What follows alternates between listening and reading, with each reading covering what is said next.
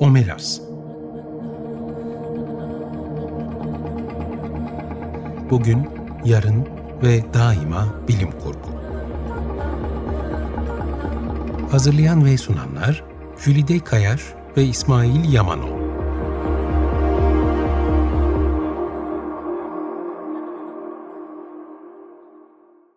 Merhaba, 95.0 Açık Radyo Omelas'a hoş geldiniz.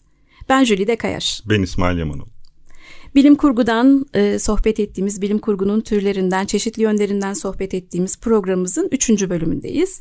Geçen e, bölümde bilim kurgunun tanımından yola çıktık, tanımlamaya çalıştık. Farklı yaklaşımları, farklı tanımları ele almaya Dergicilik çalıştık. dönemini altın çağı işledik. Dönemleri, e, tabii... E, Tabii hikayemiz burada bitmedi. Altın Çağ'da kaldık. Arkasından en son konuştuğumuz Altın Çağ'dan sonra yaramazlar var Evet. dedik. Yeni dalga bilim kurgu dönemi. Ondan biraz söz edelim. Bu yeni dalga e, bilim kurgudaki yeni dalga dönemi 1960'lar 1970'lere denk geliyor. Aslında hani e, bilim kurgunun altın çağı tamamen bitmiş değil birbirinin içine geçmiş şeyler. Yani birdenbire O yıl E, bitiyor, öbür yıl öbürü ya da artık gibi. diğerleri şeyden vazgeçmiş değiller. E, hard science fiction yazmaktan vazgeçmiş değiller. Mühendis ve yazarlarımız Bilim devam kökenli ediyorlar. insanlar. Fakat bunun yanında e, başka bir yaklaşım gelişmeye başlıyor. E, Evet, o dönemin toplumsal hareketlerini de düşünürsek aslında böyle bir şeyin ortaya çıkması çok da yadırgatıcı değil. Çünkü çok e, karışık bir dönem 68 o dönemde Yani. bir yandan uzay çalışmaları başlamış e, aya gidilecek Toplumsal muhalefetin arttığı bir dönem. çiçek çocukların olduğu bir dönem. O zaman da insanlar e, şunu düşünmeye başlıyor. Tamam e, farklı bir şekilde anlatabilir miyiz bu dertleri? Hani bilim kurgu bu kadar ilgi görüyor, insanlar rağbet ediyorlar. E, peki biz bunu kullanarak kendi derdimizi nasıl anlatırız Ya da derken bilim kurguya farklı bir bakış açısı getirebilir miyiz? sadece bu olmak zorunda değil Evet. derken e, ilk olarak 1967'de Harlan Ellison'ın e, düzenlediği, topladığı bir öykü antolojisiyle başlıyor bu hikayede. Dangerous Visions diye bir öykü antolojisi bu. Bu kitapta 33 kısa öykü var. E, daha sonra çok ün kazanacak, e, çok değerli eserler verecek pek çok yazar yer alıyor antolojide. Burada e, o zamana kadar hakim olan bir Asimov e, Geleneği. ekolü var. Hatta geçen programda da söz ettik. Asimov geleneği aslında editörlerden de kaynaklanan bir şey. Çok baskın olan. Ondan farklı bir hava var bu öykü antolojisinde. Gündelik hayatı ele alıyorlar. Yani sadece farklı gezegenler, hayat türleri değil, gündelik hayat. Yani acaba dünyada hala dünyada olsak da kendi dertlerimizle baş başa olsak da bu başka türlü gelişse nasıl olurdu? Bunu konuşmaya başlıyorlar. Biraz bilim kurgunun merkezinden pozitif bilimi çıkarıp sosyal bilimleri yerleştirme e, amacı taşıyorlar. Evet, evet, evet. O yüzden zaten bir süre sonra evrilerek bizim sosyal bilim kurgu diyeceğimiz türe dönüşüyor bu. Hani tuhaflaşan bir dünyaya insanların nasıl tepki gösterdiğiyle ilgileniyor. Hatta bunun devamında bizlerin çok iyi bildiği Alacakaranlık kuşağı başlıyor. Evet. Onun da devamında ne var? Black Mirror Black var. Mirror. Karanlık kuşağının devamında onlar geliyor. Ee, bu dönemin en önemli temsilcilerinden birisi çok iyi bildiğimiz Ballard. Ee, Ballard sen de anlatacaksın ben birkaç yerine değineyim onu bayağı bir konuşacağız herhalde. Onun e, bir derdi var çok enteresan geliyor o. Diyor ki bilim kurgunun uzaya sıkışmaması gerekir. Bu çok enteresan çünkü oksimoron neredeyse hani uzay dediğimizde uzayın sonsuz boşluğundan söz ederiz. Sonsuz boşluk nedir? Sonsuzluğa sıkışılabilir Evet mi? sonsuzluğa nasıl sıkışırsın? Fakat diyor ki uzaya sıkışmamalıyız. Bu zaten insanı şöyle bir durup düşünmeye sevk ediyor. Ardından da asıl diyor yabancı gezegen dünyamızdır.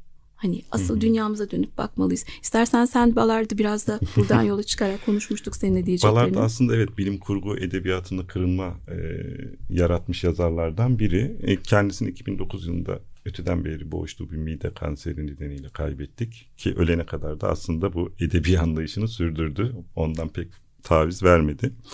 Ballard'a göre bilim kurgu e, alışık olduğumuz koşulları değiştiren, e, bizi değişen bu yeni koşullara uygun biçimde düşünmeye iten, teknolojik, toplumsal ve çevresel gelişmelerin insan psikolojisi üzerindeki etkileriyle ilgilenen bir sanat uğraşıdır. Kendisi bilim kurguyu bu şekilde yorumlar.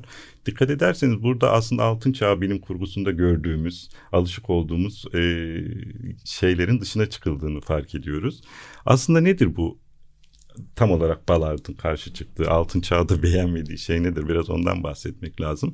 E, bir önceki programda hatırlarsan altın çağ e, bilimsel tutarlılığın hakim olduğunu o dönemde verilen eserlerin daha çok e, bilimle uyuşan, bilimle çelişmeyen eserler olmasına gayret edildiğini söylemiştik. Çünkü ilk ortaya çıkışı bilim evet. ve teknoloji yazılarıydı. Oradan e, yayınlanırken acaba Hı-hı. biz buna biraz kurgu katarsak nasıl olur evet, yani, derken derken ortaya çıkan doğru. bir türdü.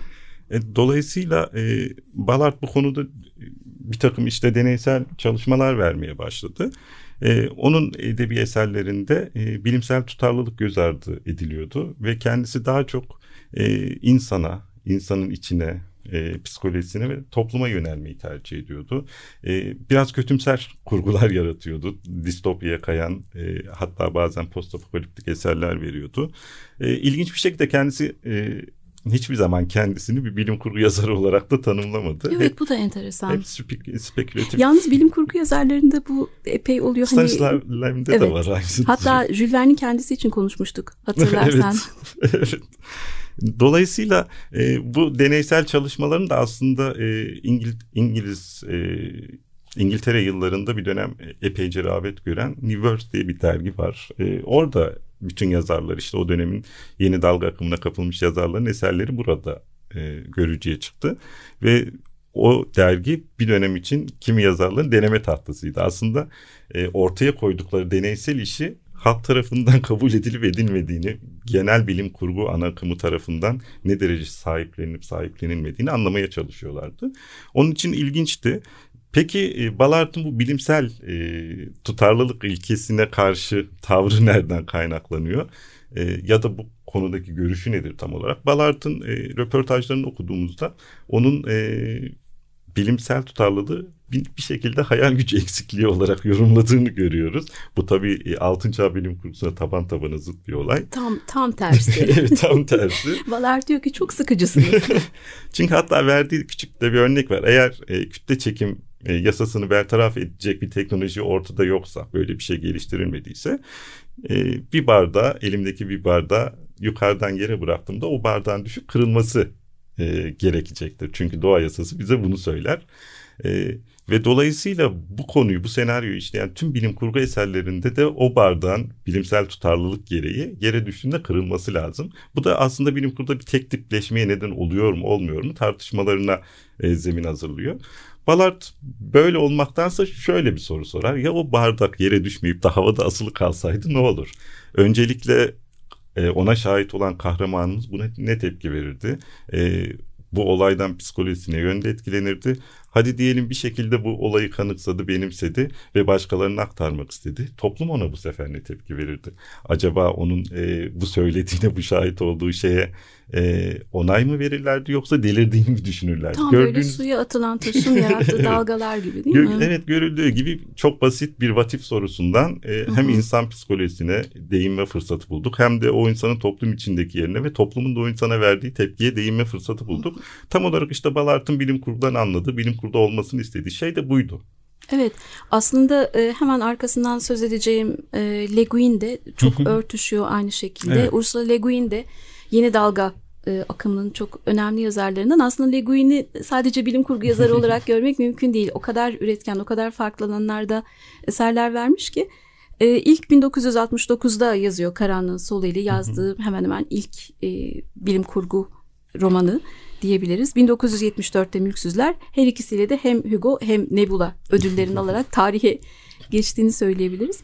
Karanlığın Sol Eli de Mülksüzler de e, çok büyük olay yaratıyor. Tabii. Çünkü tam e, Balard'ın da söz ettiği e, altın çağ bilim kurgusundan farklı yeni dalganın e, savunduğu, dert ettiği şeyleri anlatıyor. Mesela Le Guin'in e, bir derdi şu e, roman diyor karakter üzerinden anlatılır. Hı. Hani bilim kurgu. Yine, Kahramanın yolculuğu. Kahraman evet kahraman onu da ta Virginia Woolf'a kadar dayandırıyor. Evet. Virginia Woolf'un e, Bayan Brown üzerine yazdığı bir makale var. O da kısaca değinirsem şöyle. İşte trende otururken karşısında Bayan Brown'u görür. Virginia Woolf onu anlatmaya başlar. Bayan Brown kendi halinde işte ufak tefek ayakları minicik falan bir hanım e, ağaçların kurtların durumunu merak eden e, kendisi yanındaki adamla bunu konuşan birisi iner gider trenden ve Virginia Woolf şey der işte bir roman kahramanı der diyor ki sana yakalayabilirsen yakala ve yaz.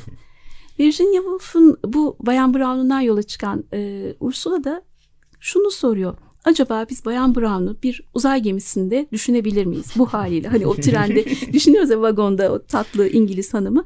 E, düşünemeyebiliriz ama onu dünyamızda düşünüp yine bir bilim kurgu. İçine çekebiliriz. Evet içine çekebiliriz. Çünkü dünyayı bu sefer tersine değiştirebiliriz. Başka bir e, duruma geliriz. Bir yandan şunu da söylemek gerek. Hani aynı şey Ballard için de geçerli. Bu insanlar bilime ve teknolojiye karşı değiller. Asla. Hatta tam tersi. Ursula diyor ki e, bilim kurguya dair bilim ve teknolojiye dayalı yazmasa da bilimcilerin nasıl düşündüğüne ve nasıl bilim yapıldığına dair bir fikrinin olması gerekir Kesinlikle. bilim kurgu yazarının. Özel olarak insanlara odaklanmak işin insanlarla olan ilgisini yok ediyor. Oysa iyi, iyi bir bilim kurgu bizi evrene dahil eder. Yani yeni bir evren yaratılıyor. Belki yeni dalgadaki problem şu. O yaratılan evrenin de hayal gücüne dayalı olması. Tabii yani bardak evet yere düştüğünde e, her seferinde yere düşüyorsa çok sıkıcı ama sen hayal gücünle ona farklı evrenlerde, Doğru. farklı fizik kurallarıyla farklı bir dünya Ortam yaratırsan, yaratırsan ortam belki de yaratıyorsan- düşünecek ve oranın normali de olacak. Evet, normali olacak. İnsanların buna tepkisi. Evet. E zaten yani yeni dalgadan bahsederken e, bir yanda tüm e, bilim kurgu edebiyatının hemen bu akıma kapıldığını ve bu yönde eserler verdiğini söylemek zor. Öyle bir şey hiçbir zaman olmadı. Tabii hepsi bir arada gidiyor bunların. Tabii karmaşık e, yani her şeyin iç içe geçtiği bir dönemde kaldı ki zaten altın çağ bilim kurgusu e, bilim kurgusunun savunucuları tarafından da yeni dalgaya bir sürü eleştiri getirildi. Bunların kimisi haklıydı, kimisi böyle sadece de bir tartışmaların bir parçası olabilmek için ileri sürülen şeyler. Polemikler çeşitli Polemikler polemikler. bitmeyen edebiyat camiamızda bitmeyen polemiklerdi. Örneğin şey e, en basit altın çağ bilim kurgusunun yeni dalgaya getirdiği en basit eleştirilerden biri. E, en temel eleştiri diyelim hatta. E, yeni dalganın tanımladığı bu yeni bilim kurgu anlayışının e, bilim kurgunun sınırlarını muğlaklaştırdığını, bulanıklaştırdığını, dolayısıyla bilim kurguyu fantastikten ayırt edemeyecek hale gel- gelmemize yol açtığını, bilim kurgunun nerede bittiğini, fantastiğin nerede başladığını anlayamamamıza yol açtığını iddia ediyorlar. Tam e, Ursula'nın buna çok güzel bir cevabı var. Diyor ki bilim kurgu edebi bir gelenektir ve fantezinin değil gerçekçiliğin çocuğudur. Gerçekçi bir hikaye yaşanabilecek olmakla birlikte yaşanmamış bir konuyu ele alır öyle değil mi? Birçok bilim kurgu hikayesi şu an var olmayan fakat gelecekte var olabilecek dünyalarla ilgilidir. Gerçekçilik de bilim kurguda gerçek olabilecek hikayeleri ele alır. Doğru. Evet. Ee, bir ara verelim Evet. istersen. Bu Ee, tam yoğun- Ursula'dan da söz ederken e, bugün seçtiğimiz şarkı e, Ursula Le Guin ve Todd Barton'ın Hı hı. E, Music of the Eighth House dinliyoruz. 95.0 Açık Radyo Omelas programındayız. Ee, yeni dalga bilim kurgunun yeni dalga döneminden söz ettik az önce. Ee, şimdi oradan hareketle devam edelim bakalım bilim Evet. kurgu tarihinde nelere Adım adım geleceğiz. günümüze doğru yaklaşıyoruz. Yavaş yavaş cyberpunk başlıyor. E, Cyberpunk'ın ortaya çıktığı dönemde aslında bilim kurgu yazarlarının aklında bir soru vardı. Altın çağ bilim kurgusuyla e, yeni dalga akımını birleştirebilir miyiz? Aynı potada eritebilir miyiz? Bunları barıştırabilir miyiz? E, bu sorudan hareketle de ortaya yeni fikirler atılmaya başladı. Örneğin bunlardan bazıları melez eserler üretme e, dayalı şeylerdi. Hem e, altın çağ bilim kursunun özelliklerini yansıtan hem de yeni dalga gibi konulara eğilen eserler verildi. Cyberpunk bunun dışında başka bir şey yaptı. O şöyle dedi. E, tabii biraz sonra Cyberpunk'ın ne olduğunu genel hatlarıyla anlatmaya çalışacağız ama önce bir iddiasını bu Evet. birleştirme iddiasını anlatalım dinleyenlerimize. Cyberpunk dedi ki iki tarafı da birleştirmenin çok basit bir yolu var. Ee, gelişmiş bir teknolojinin teknolojiyle siber uzay yaratırsak yani bir sanal alem yaratırsak ve olaylar o sanal alemin içinde geçerse o zaman e, hem altın çağın dediği gibi ortada gelişmiş bir teknoloji var. Yani e, bizi siber uzaya bağlayan bir gelişmiş teknolojiden bahsediyoruz. Hem de bu sefer e, bir e, sanal alemin içinde olduğumuz için aslında orada yaşanabilecek her şeyde yine bilim kurgu sınırları içinde kalmak zorunda. İstediği kadar fantastik olursa olsun. Mesela sanal alemdeki karakterimiz bir ejderhanın sırtına binerek bu şehirden başka bir şehire gidebilir ve biz bunu yadırgamayız. E, muhtemelen dinleyenlerimiz Ready Player One e, filmini, o meşhur filmi Hı hı. izlemiştir. Oradaki karakterlerimiz e, sanal alemde e, yaşıyorlar çoğunlukla ve orada uçanlar, kaçanlar her türlü şey e, gözlerimizin önüne seriliyor ve biz bunların hiçbirisini yadırgamıyoruz ve bilim kurgu dışı görmüyoruz. Aslında Cyberpunk'ın e, bu noktada çok başarılı bir iş yaptığını ve zaten o dönemde özellikle e, hem e, bilgisayar hem internet teknolojilerinin yavaş yavaş gelişmeye başladığı bir dönemde seslenmesi de e, bir anda zaten yükselişine, parlamasına yol açtı. Tam onu diyecektim. Hani biraz da şeyden de kaynaklanıyor ortaya çıkışı herhalde. Bilim kurgunun e, teknolojinin gerisinde evet. kaldığını hissetmeye başlaması. yani teknoloji o kadar hızlı ilerliyor ki neredeyse nefes nefese hemen ensesinde hissediyor nefesinde teknolojinin evet, bilim Frans, kurgu. Frans, ne yapabilirim derken. Fransız yazar ve akademisyen Renard'ın bu konuda çok güzel bir sözü vardır. O hep şey der. Bilim kurgu her zaman bilimin birkaç adım önünde olmalı. Eğer e, bilim bilim kurgu yetişmeye başladıysa ortada bir sorun var demektir. Hatta bundan hareketle Jules Verne'i e, bilim kurgu yazarı olarak bile saymaz. O kadar da katıdır bu tanımında. evet işte biraz önce andığımız sonsuz polemiklerden birisi olabilir herhalde. Ama işte bu e, Cyberpunk'a ihtiyaç duyulması, teknolojinin bilim kurguya yaklaşması bizim altın çağ yazarlarımızın da kendi kendilerini sıkıştırması anlamına Tabii. geliyor. Onlar ister istemez bu Cyberpunk'a biraz daha tolerans göstermek zorunda kaldılar sanırım. Evet yani Cyberpunk aslında işte gelişmiş teknolojiye sahip distopik bir gelecekte insanla makine arasındaki o sınırın bulanıklaştığı bir e, kurgular bütünüdür. E, çok sloganvari bir aslında tanımı da vardır işte yüksek teknoloji düşük hayatlar diye. Evet. E, çünkü tam bu cyberpunk ruhuna uyan bir ifade. Blade Runner'ı örneğin işte sinemadan daha e, yaygın olduğu için örnek vermek gerekirse. Blade Runner'da gördüğümüz ortam bir şirketin tüm dünyaya egemen olduğu, e, androidlerin hayatlarımıza girdiği ve işte e, insan bilinç, bilinçaltı, e, kişilik, benlik gibi. İnsan nedir, replikantlar evet, insan mıdır bu Mevzuların masaya olduğu. yatırıldığı bir eser. Ee, yine Matrix'teki gibi e, şeyi de düşünebilirsiniz. E, biraz önceki o tartışmaya binaen e, normalde bir kaşığı elimize alıp onu sadece düşünerek bükmemiz mümkün değildir. Ama bir sanal alemin içindeyseniz yani bir Matrix'in içindeyseniz onu yaptığınızda kimse size şaşırmayacaktır. Hala yine bilim kurgu sınırları içinde kalmış olursunuz. Dolayısıyla Cyberpunk hareketinin aslında bu iki türü de birleştirme çabası meyvesini de verdi. Bir dönem inanılmaz yükselişe geçti. Bunda William Gibson'ın o Neuromancer'ı. Neuromancer eserini vermiş olmasının da tabii katkısı çok büyüktü. Ama sonra bir e, duraklama dönemine girdiğini söyleyebilir Cyberpunk'ın. Bunun Burada da... bir de ilginç bir tartışma yok mu sence? Yani hep şey vardır ya bilim kurgunun e, kehanet vari olması hani bilim kurgu bize gelecekten haber veriyor ya da teknolojiyi belirleyen bilim kurgudur. E, buna hani pek çok bilim kurgu yazarı karşı çıkar. Hayır biz kahin değiliz. Elimizde kristal küre var da size teknolojik gelişmeleri haber veriyor değiliz. Burada ikisinin e, sürekli bir etkileşimi söz konusu. Tabii. Yani e, cyberpunk mı hani teknolojiyi haber veriyor yoksa teknolojik gelişmeler mi cyberpunk punk'a sebep oluyor. Oradaki anlatıya sebep oluyor. Oradaki o etkileşim ve DNA sonsuz sarmalı gibi. gibi sonsuz döngü o da çok heyecan uyandırıcı. Ne dersin? Bence de öyle.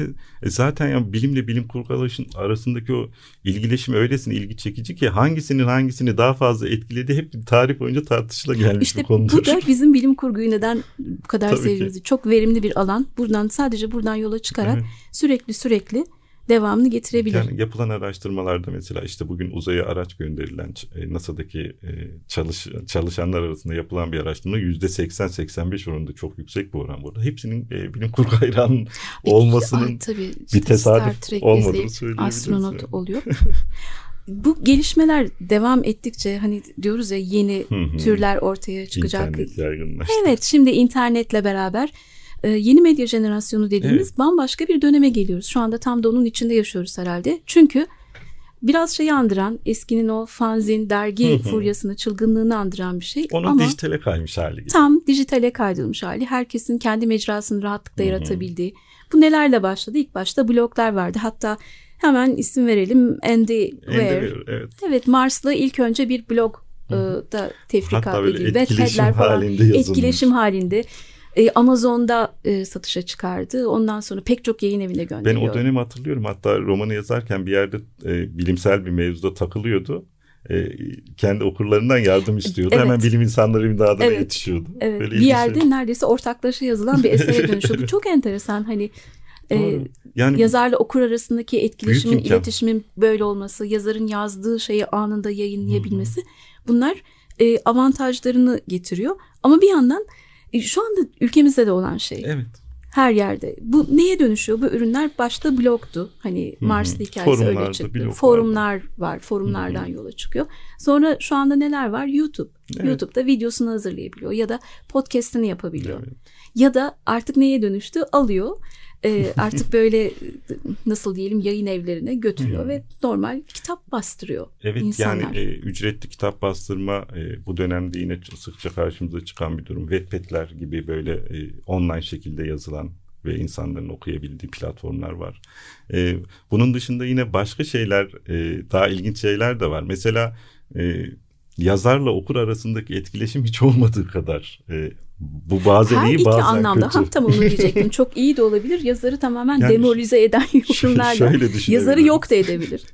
E, yazarsınız bin bir emekle bir tane e, öykü ortaya çıkarıyorsunuz. Bayağı gözünüz gibi işte bakmışsınız, sevmişsiniz, yazmışsınız ve tek tuşla onu yayınlayıp artık e, kamuya ait bir ürün haline Ve getiriyorsunuz. hayatınızın hatasını yaparak yorumlarınızı, görüşlerinizi beklerim ve diyorsunuz. 10 dakika sonra bir bildirim geliyor. Çin çin ve gelen yorum beğenmedim. Be- beğenmedim olsa keşke. Ondan Evet, sonra genel başlıyor.